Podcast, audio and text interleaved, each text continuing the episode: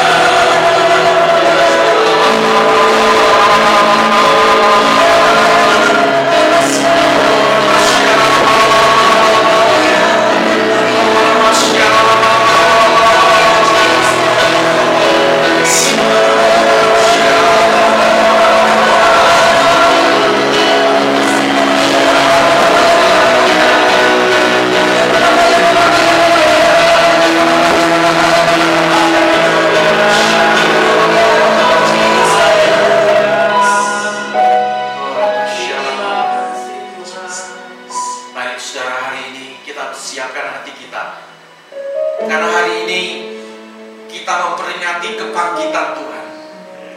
Kita tidak boleh lagi tinggal di dalam kekecewaan, di dalam duka cita, di dalam kekalahan. Sebab Tuhan yang kita sembah adalah Tuhan yang hidup, Tuhan yang bangkit Amen. dari antara orang mati. Itu Ya. sebabnya hari ini mari kita bangun spirit kita. Kita bangun semangat kita. Jangan semangat yang kosong, tetapi semangat yang didasari oleh karena firman Tuhan. Amin. Sekali lagi kita buka kedua tangan kita. Oh Ramasyalallah. Urapi kami ya Tuhan. Berkati kami ya Tuhan. Di mana pun jemaat IHK berada. Di mana pun umat-umatmu berada ya Tuhan. Yang hari ini sedang online, live streaming di gerejanya masing-masing. Ataupun mendengarkan khotbah dari gereja IHK. Kami berdoa supaya engkau menjangkau dan melawat mereka semua. Supaya kuasa kebangkitan itu juga kami alami bersama-sama. Sehingga kami tidak tinggal dalam ketakutan kami tinggal dalam kemerdekaan. Sebab engkau bangkit maka saya akan bangkit maka kita semua bangkit. Di dalam nama Yesus Tuhan terima kasih Bapa berkati urapi kami semua terlebih hambamu yang menyampaikan kebenaran firman-Mu demi nama Tuhan Yesus Kristus kami sudah berdoa haleluya sama-sama berkata Amin. Puji Tuhan, puji Tuhan. Silakan duduk semua. Saudara-saudara dikasih oleh Tuhan, kami di gereja tidak banyak, hanya beberapa orang, hanya lima orang, saudara-saudara. Tapi saya percaya banyak malaikat yang menyertai kita. Mengerti katakan amin. Amin. Sebelumnya saya mau menyampaikan selamat Paskah. Selamat menikmati kebangkitan. Katakan sama-sama, saya mau bangkit. Saya mau bangkit. Sekali lagi katakan, saya sudah bangkit. Saya sudah bangkit. Nah, saudara, kenapa kita bangkit? Kenapa kita tidak terbuai dengan persoalan ini? Kenapa kita harus meninggalkan masa lalu kita? Kenapa kita harus menatap ke depan? Kenapa kita harus berjalan bersama dengan Tuhan? Dengan saudara-saudara, sebab Tuhan yang kita sembah adalah Tuhan yang sudah bangkit, yang sudah mengalahkan maut. Setuju katakan amin. Mari yang percaya sekali lagi berikan tepuk tanganmu yang paling meriah untuk. Nah maka itu kita tidak boleh terbuai dengan keadaan ini. Lalu saudara berkata, kok hidup seperti ini? Ada perubahan seperti ini. Saudara-saudara, kalau kita menolak akan perubahan, berarti kita tidak mau maju.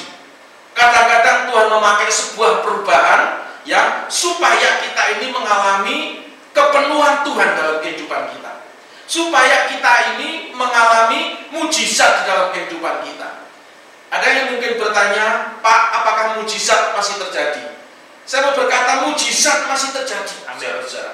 Ya, kalau hari ini kita ada sampai hari ini, lalu kita bersuka cita, kita memperingati Paskah, ya, itu juga mujizat. Katakan sama-sama mujizat. Mujizat. Yesus yang kita sembah sudah bangkit dari antara orang mati. Itu mujizat yang luar biasa. Bahkan saya mau berkata, itu adalah puncak iman kekristenan kita. Setuju katakan amin. Amin. Amin. Rasul Paulus berkata, saudara-saudara, kalau seandainya ya seandainya Yesus tidak bangkit dikatakan, maka sia-sialah kepercayaan kita. Kita melakukan segala sesuatu ibadah yang baik, ya semuanya yang baik, semuanya yang indah, tetapi semua sia-sia. Ya, tetapi karena Yesus sudah bangkit, yang kita kerjakan tidak sia-sia. Katakan sama-sama, aku tidak sia-sia Tidak kita juga harus bangkit. Saya harus bangkit. Anda harus bangkit. Indonesia harus bangkit. Mari sekali lagi berikan tepuk tangan yang paling meriah untuk kita yang dahsyat. Haleluya. Maka itu saya akan membawa saudara membaca dalam Injil Lukas pasal yang ke-24. Injil Lukas pasal yang ke-24 ayat yang pertama sampai ayat yang ke-12. Saya membaca ya kalau saudara bisa melihat dari screen ini, saudara bisa lihat ya. Saya membaca dengan suara keras, saudara ikuti dan jangan menonton ya di rumah. Saudara harus juga ibadah. Jangan bercanda ya. Apalagi ada yang sambil makan, saudara ya. Jangan hargai hadirat Tuhan. Tuhan melihat hatimu. Amin. Ya. Lukas 24 ayat 1 sampai yang ke-12. Tetapi pagi-pagi benar, hari pertama minggu itu, mereka pergi ke kubur membawa rempah-rempah yang telah disediakan mereka. Mereka mendapati batu sudah terguling dari kubur itu dan ayat ketiga. Dan setelah masuk mereka menemukan tidak menemukan mayat Yesus ayat yang keempat. Sementara mereka berdiri termangu-mangu karena hal itu Tiba-tiba dua orang berdiri di dekat mereka memakai pakaian yang berkilau-kilauan. Ayat yang kelima. Mereka sangat ketakutan dan menundukkan kepala. Tetapi kedua orang itu berkata kepada mereka, "Mengapa kamu mencari dia yang hidup di antara orang mati? Ia tidak ada di sini. Ia telah bangkit." Katakan sama-sama, "Ia telah bangkit." Ia telah bangkit. Katakan sekali lagi, "Ia telah bangkit." Ia sudah bangkit, saya dan saudara harus bangkit. Amin. Saya lanjutkan pembacaan ini. Ingatlah apa yang dikatakannya kepada kamu ketika ia masih di Galilea, yaitu bahwa anak manusia harus diserahkan kepada orang berdosa dan disalibkan dan akan mati pada hari yang ketiga. Lalu selanjutnya Alkitab berkata, inilah puncak mujizat maka teringatlah mereka akan perkataan Yesus itu. Dan setelah mereka kembali dari kubur mereka menceritakan semuanya itu kepada kesebelas murid dan kepada semua saudara-saudara yang lain.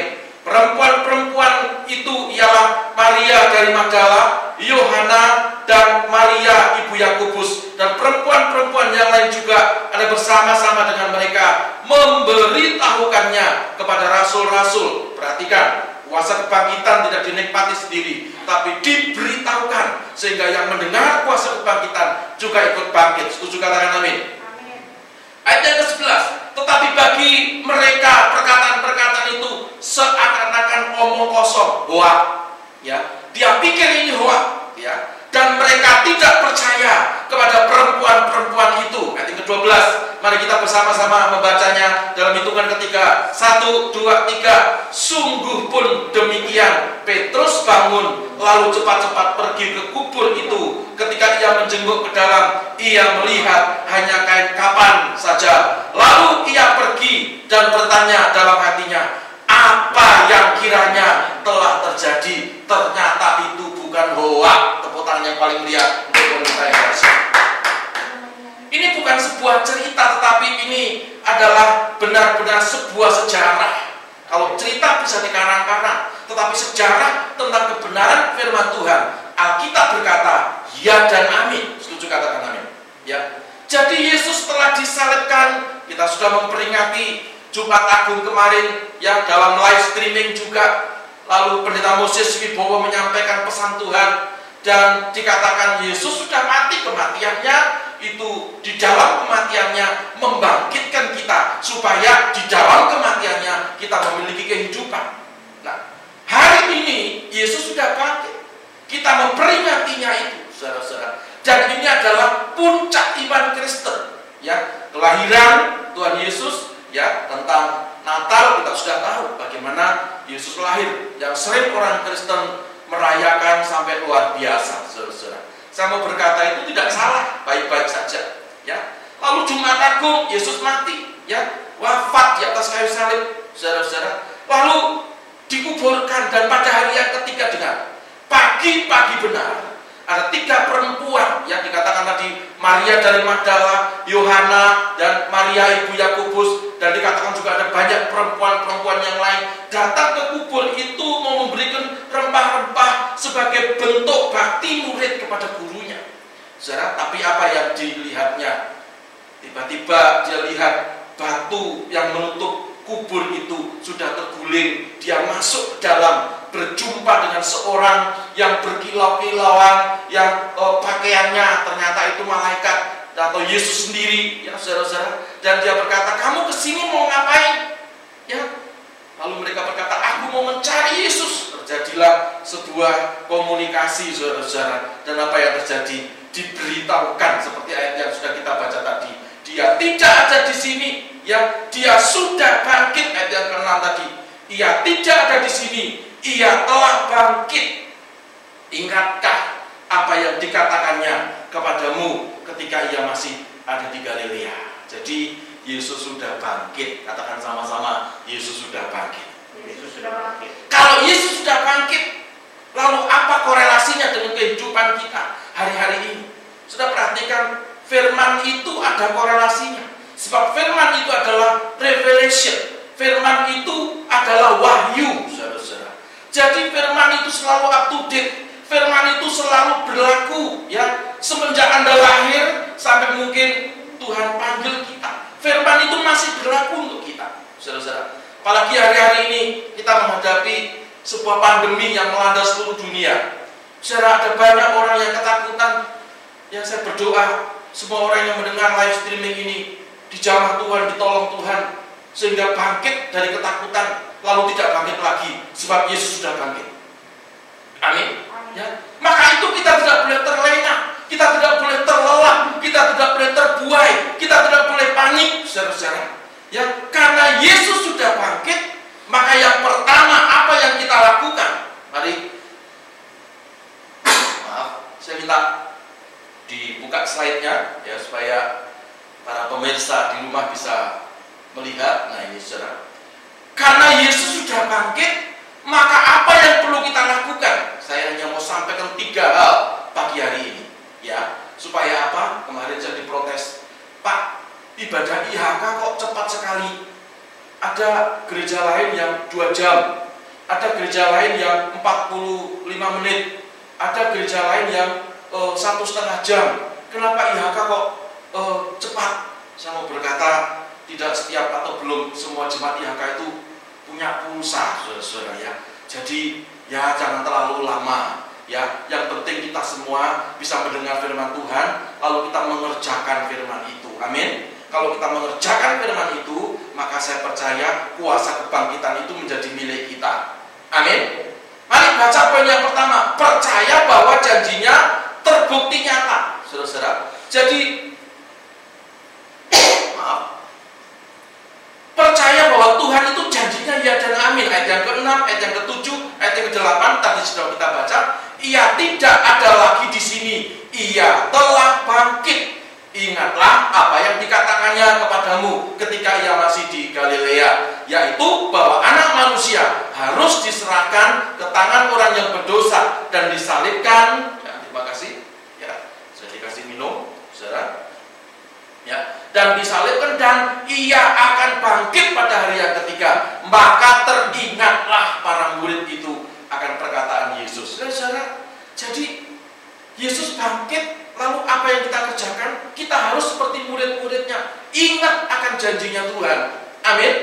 Kalau Yesus bangkit, ya peristiwa itu membuat muridnya ingat. Maka hari ini kita jangan terbuai dengan persoalan. Pak, uang saya sudah mulai habis. Karena saya tidak bisa lagi bekerja normal seperti biasa.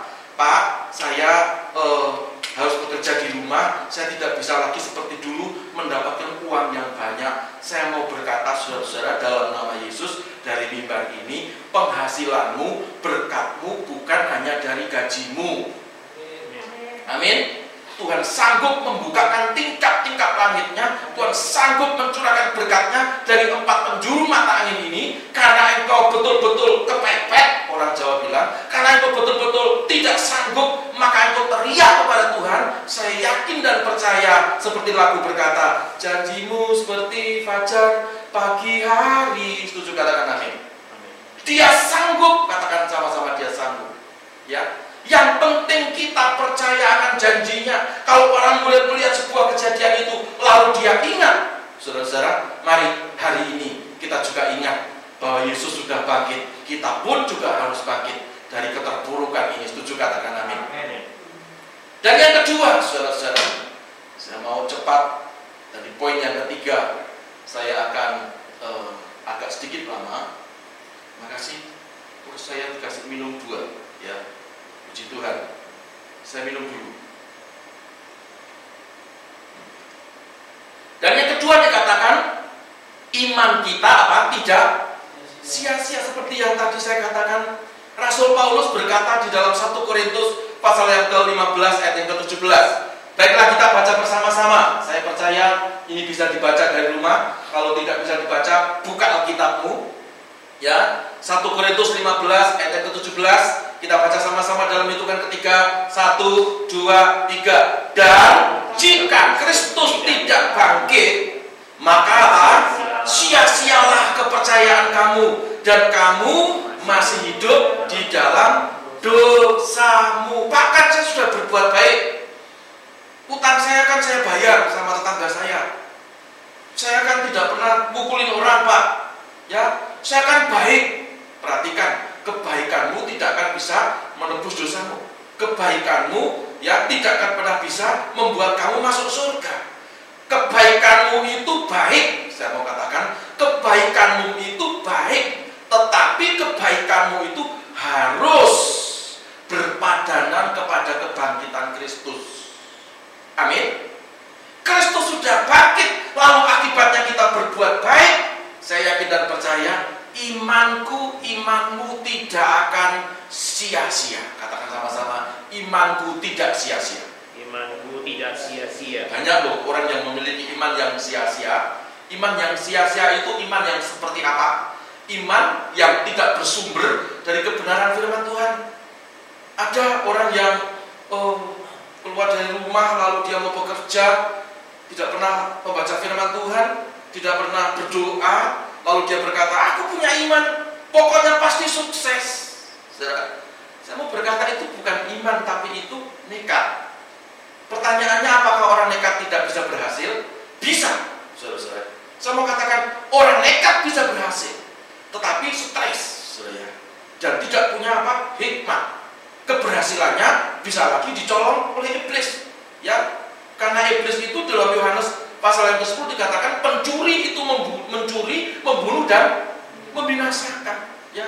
Tetapi kalau saudara punya iman atas dasar firman Tuhan, ya ingat pelajaran kita ada tidak beriman, lalu iman kecil dan meningkat lagi menjadi iman besar, lalu iman yang memindahkan gunung atau iman yang menguasai dunia. Kalau saudara mengikuti proses iman ini, ya prosesnya dari kecil, ya sedang lalu besar, saya percaya apa yang saudara kerjakan hari-hari ini, walaupun kita mengalami masa-masa karantina, mengalami masa-masa kalau di DKI Jakarta ada PSBB, ya saudara-saudara ya, dan saudara bisa menjaga diri juga, saudara juga bisa membangun spiritmu, sudah memiliki iman, ingat Yesus sudah bangkit, imanmu tidak sia-sia, saya yakin dan percaya kerjakan firman Tuhan dengan imanmu, walaupun engkau di rumah, saya berdoa pasti saudara diberkati Tuhan. Amin. Itu janji Tuhan. Ya. Jadi mari kita bangkit, jangan terlena. Mari kita bangkit, jangan stres. Saudara kira saya tidak stres? Saya bersama dengan keluarga mulai dari tanggal 16 itu sudah mengurung diri di rumah. Saudara-saudara, saya sebagai seorang lulusan eh, bukan hanya dari teologi tetapi sekuler saya dari kesehatan, seorang laboratorium saya sedikit belajar tentang virologi, tentang virus, saya stres. Gimana ini dan seterusnya.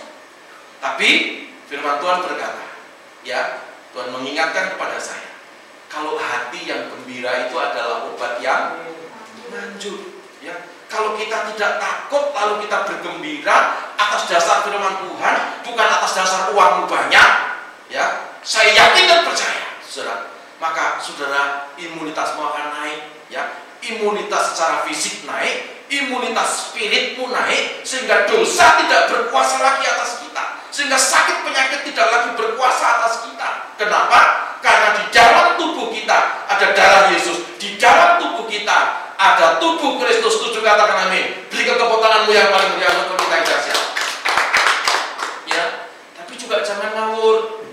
Ya, ke mana-mana udah pakai masker, nggak cuci tangan. Saudara, sering kali kita jadi orang Kristen yang pokoknya itu bukan iman. Ya, iman itu atas dasar firman. Gereja juga harus tunduk kepada pemerintah yang ada, saudara-saudara. Maka itu kita harus mengikuti instruksi pemerintah. Ya, tidak ada pemerintah yang tidak berasal dari Tuhan, kata Alkitab.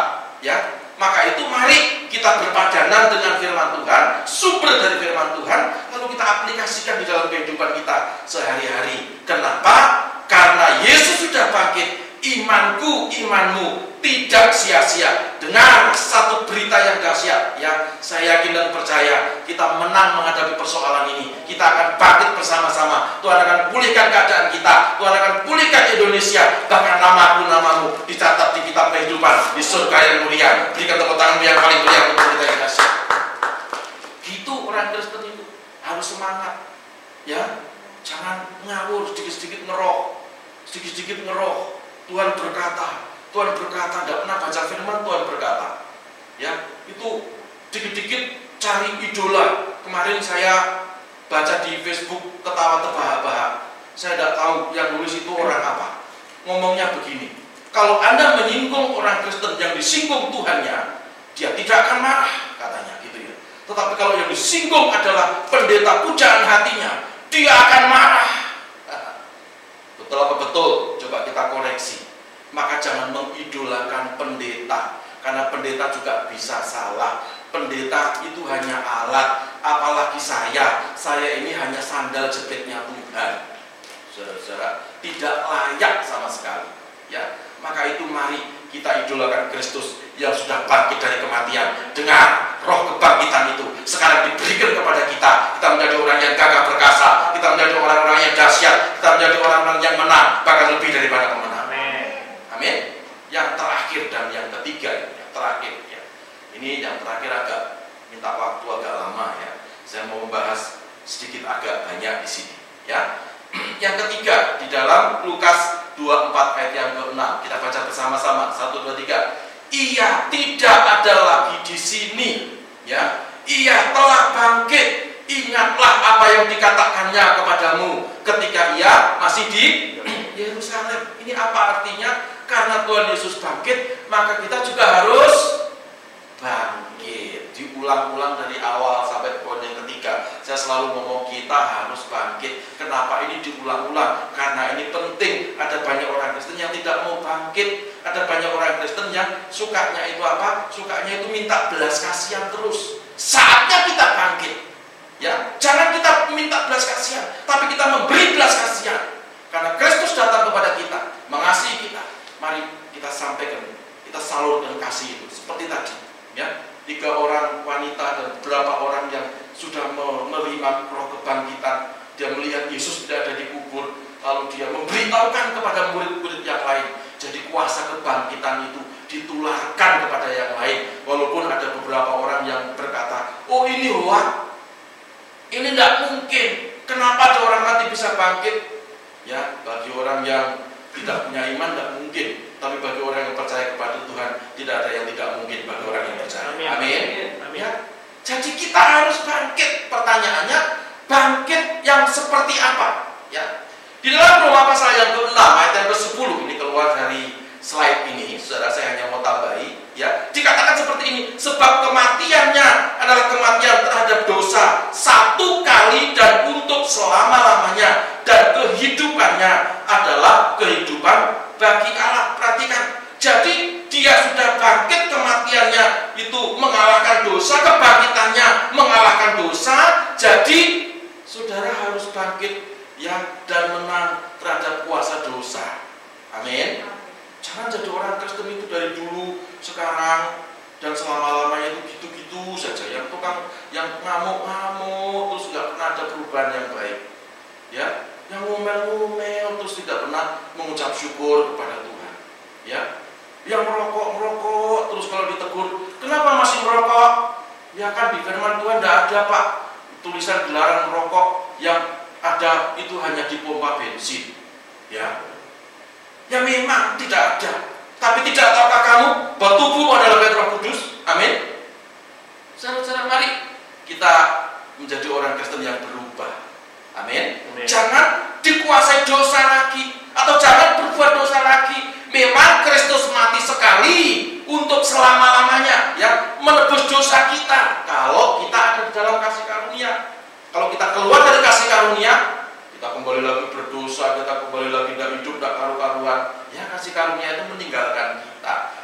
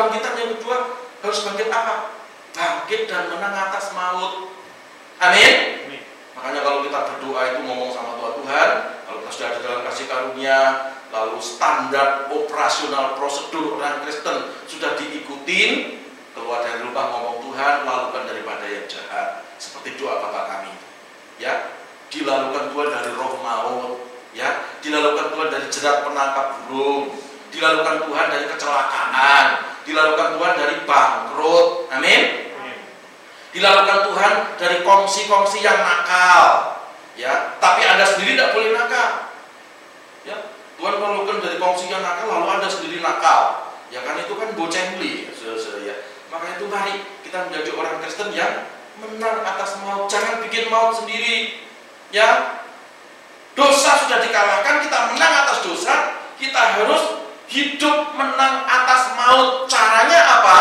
Kita memiliki hikmat yang datang dari Tuhan. Seperti kalau kita pergi ke mana-mana hari ini ada pembatasan lalu saya berkata oh enggak ah, Tuhan melindungi saya. Tuhan menjagai saya tidak pakai masker tidak cuci tangan lalu makan seenak saja. Ya maut datang lalu nyalakan Tuhan. Tidak bisa saya saatnya anda serius hari-hari amin? Ya bangkit dan menang atas maut dan yang ketiga yang terakhir ini penting ya 1 Petrus 2 ayat 24 Pak ayatnya kok banyak banget? Ya. Orang Tionghoa berkata cek Paul makan kenyang. Kalau anda makan kenyang ya spiritmu kuat. Amin. Ia sendiri telah memikul dosa kita di dalam tubuhnya di atas kayu salib supaya kita yang telah mati terhadap dosa hidup untuk kebenaran. Dan oleh bilur-bilurnya kamu telah sembuh. Pak saya tidak sakit Pak. Ya, dompetmu kan sakit Pak saya tidak sakit. Ya damai sejahteramu dicolong iblis. Itu kan sakit. Saudara-saudara ya. Sakit itu ada dua. Sakit jasmani dan sakit rohani. Perhatikan. Ya Yesus sudah mengerjakan di atas kayu salib. Segala kesakitan kita segala kelemahan tubuh kita sudah ditanggung di atas kayu salib. Setuju katakan amin. Bahkan dia berkata sudah apa? Selesai. Tetelestai sudah selesai saudara-saudara. Jangan buat sakit. Ya mari kita pelihara tubuh jiwa dan roh kita ini. Dia sudah menanggung segala kelemahan tubuh kita di atas kayu salib maka kita menjaga tubuh jiwa dan roh kita ini untuk tetap sehat. Ya ada orang berkata men sana in corpore sano di dalam jiwa yang sehat. Maka seluruh tubuh itu sehat. Saya mau berkata itu baik tapi saya ngomong begini di dalam spirit yang sehat jadi kalau rohmu sehat ya saudara-saudara perhatikan roh yang sehat itu bisa menguasai jiwa dan bisa menguasai tubuh. Amin. Ya.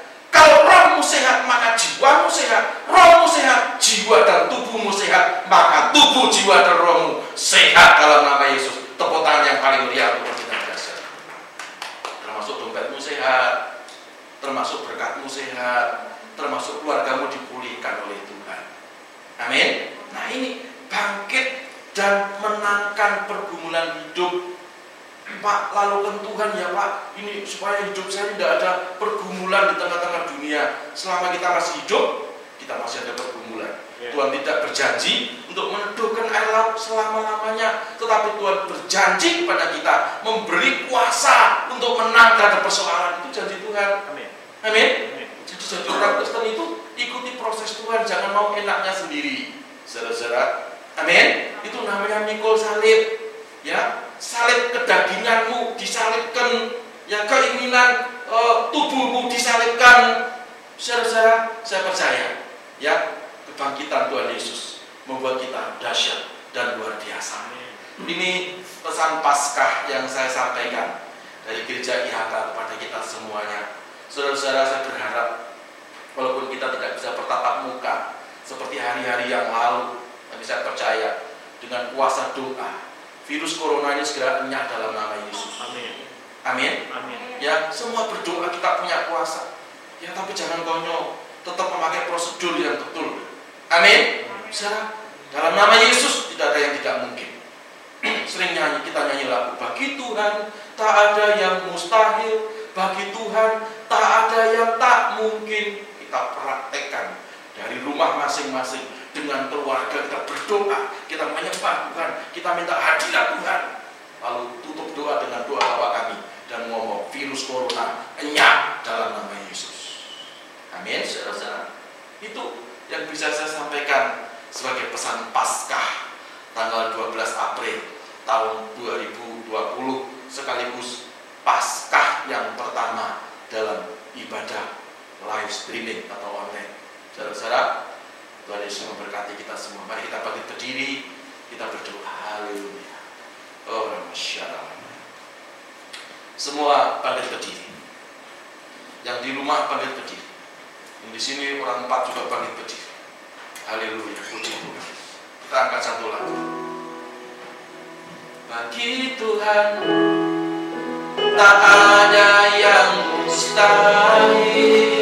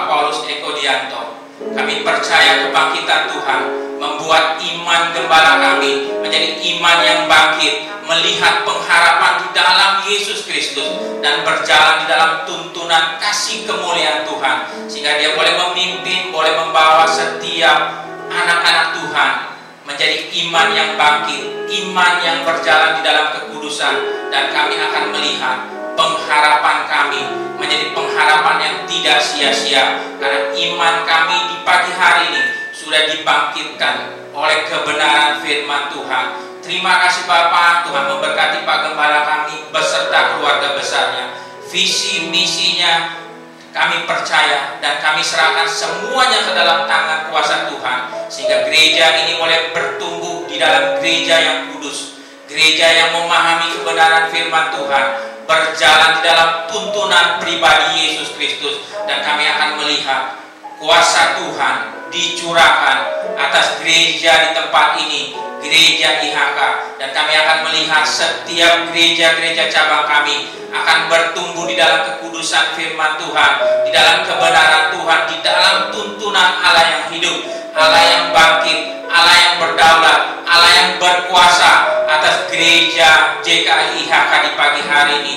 Terima kasih Tuhan Yesus dan kami pun boleh berdoa untuk bangsa Indonesia. Kami percaya bangsa ini tidak akan pernah dikalahkan oleh virus corona. Nanti kami percaya, kami mempunyai iman, iman di dalam Yesus Kristus, iman yang dinyatakan bahwa Tuhan sudah hidup, Tuhan sudah bangkit sehingga iman kami iman yang berdoa kepada Yesus Kristus iman yang meminta belas kasih Tuhan dan kami percaya bangsa ini menjadi bangsa yang takut akan Tuhan Yesus Kristus dan kami percaya Roh Kudus ada di dalam bangsa ini. Roh Kudus memimpin bangsa ini dari dari jabatan yang tertinggi Pak Presiden. Kami percaya Roh Kudus sendiri yang berdaulat atas bangsa ini, bangsa Indonesia dan kami akan melihat pertumbuhan bangsa ini membuat setiap bangsa Indonesia menjadi bangsa yang bertekuk lutut dan setiap lidah akan mengaku dan akan melihat kemuliaan Tuhan karena hari inilah adalah hari kebangkitan Tuhan Yesus Kristus sehingga bangsa ini menjadi bangsa yang bangkit di dalam kebenaran firman Tuhan menjadi bangsa yang takut akan Tuhan Yesus Kristus di bawah pimpinan Bapak Presiden Jokowi. Terima kasih Tuhan Yesus, kami percaya setiap benih firman Tuhan yang kami terima di pagi hari ini membangkitkan iman percaya kami. Terima kasih Tuhan Yesus. Sebelumnya kami akan mengangkat tangan kanan lebih tinggi dari atas kepala dan kami akan memperkata-katakan kata-kata iman. Tiga, dua, satu. Saya percaya saya adalah Tuhan yang penuh dengan kemuliaan Tuhan, hidup dalam kekudusan, sukses di dunia dan masuk surga. Saya percaya saya adalah hidup sukses di dunia dan surga. Saya percaya saya penuh kemuliaan Tuhan, hidup dalam surga. Dan. Haleluya, haleluya. Terima kasih Tuhan Yesus, kami percaya setiap iman yang kami panjatkan di dalam nama Tuhan Yesus Kristus sudah membangkitkan iman kami dan terjadi di dalam setiap kehidupan anak-anak Tuhan di pagi hari ini. Terima kasih Bapak dan kami akhiri di pada pagi hari ini dan kami akan menerima doa berkat dari hambanya. Haleluya. Mari sebelum kita menerima doa berkat, mari kita sama-sama panjatkan doa Bapa kami dalam hitungan ketiga dalam nama Tuhan Yesus satu dua tiga. Bapa kami yang di sorga, dikuduskanlah namamu, datanglah kerajaanmu, jadilah kehendakmu di bumi seperti. dikatakan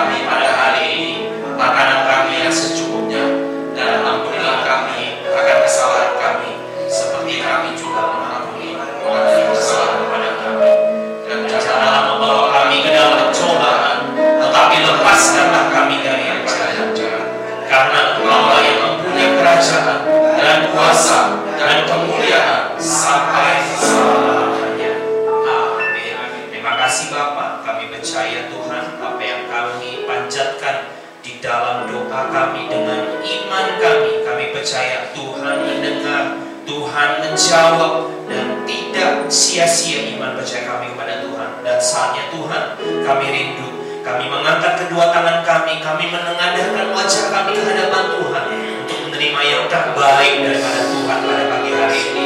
Kekasih-kekasih Tuhan jemaat gereja IHK yang luar biasa, di mana pun engkau berada, engkau adalah biji mata Tuhan. Mari kita semua pulang dan bawa melimpah-limpah dari Allah Bapa, Putra, dan Roh Kudus. Berkat di dalam nama Tuhan Yesus Kristus yang akan senantiasa menyertai, membimbing, menuntun, bahkan mengangkat kita semua jadi kepala dan bukan jadi ekor. Kita ditetapkan untuk terus naik dan tidak akan pernah turun. Apa saja yang engkau kerjakan dengan kedua tanganmu, Tuhan Yesus buat engkau berhasil dan beruntung menerima semua berkat yang terbaik dan anugerah segala terang yaitu Yesus Kristus Tuhan mulai hari ini sampai dengan selama-lamanya. Di dalam nama Tuhan Yesus Kristus semua jemaat yang diberkati Tuhan sama-sama kita katakan Amin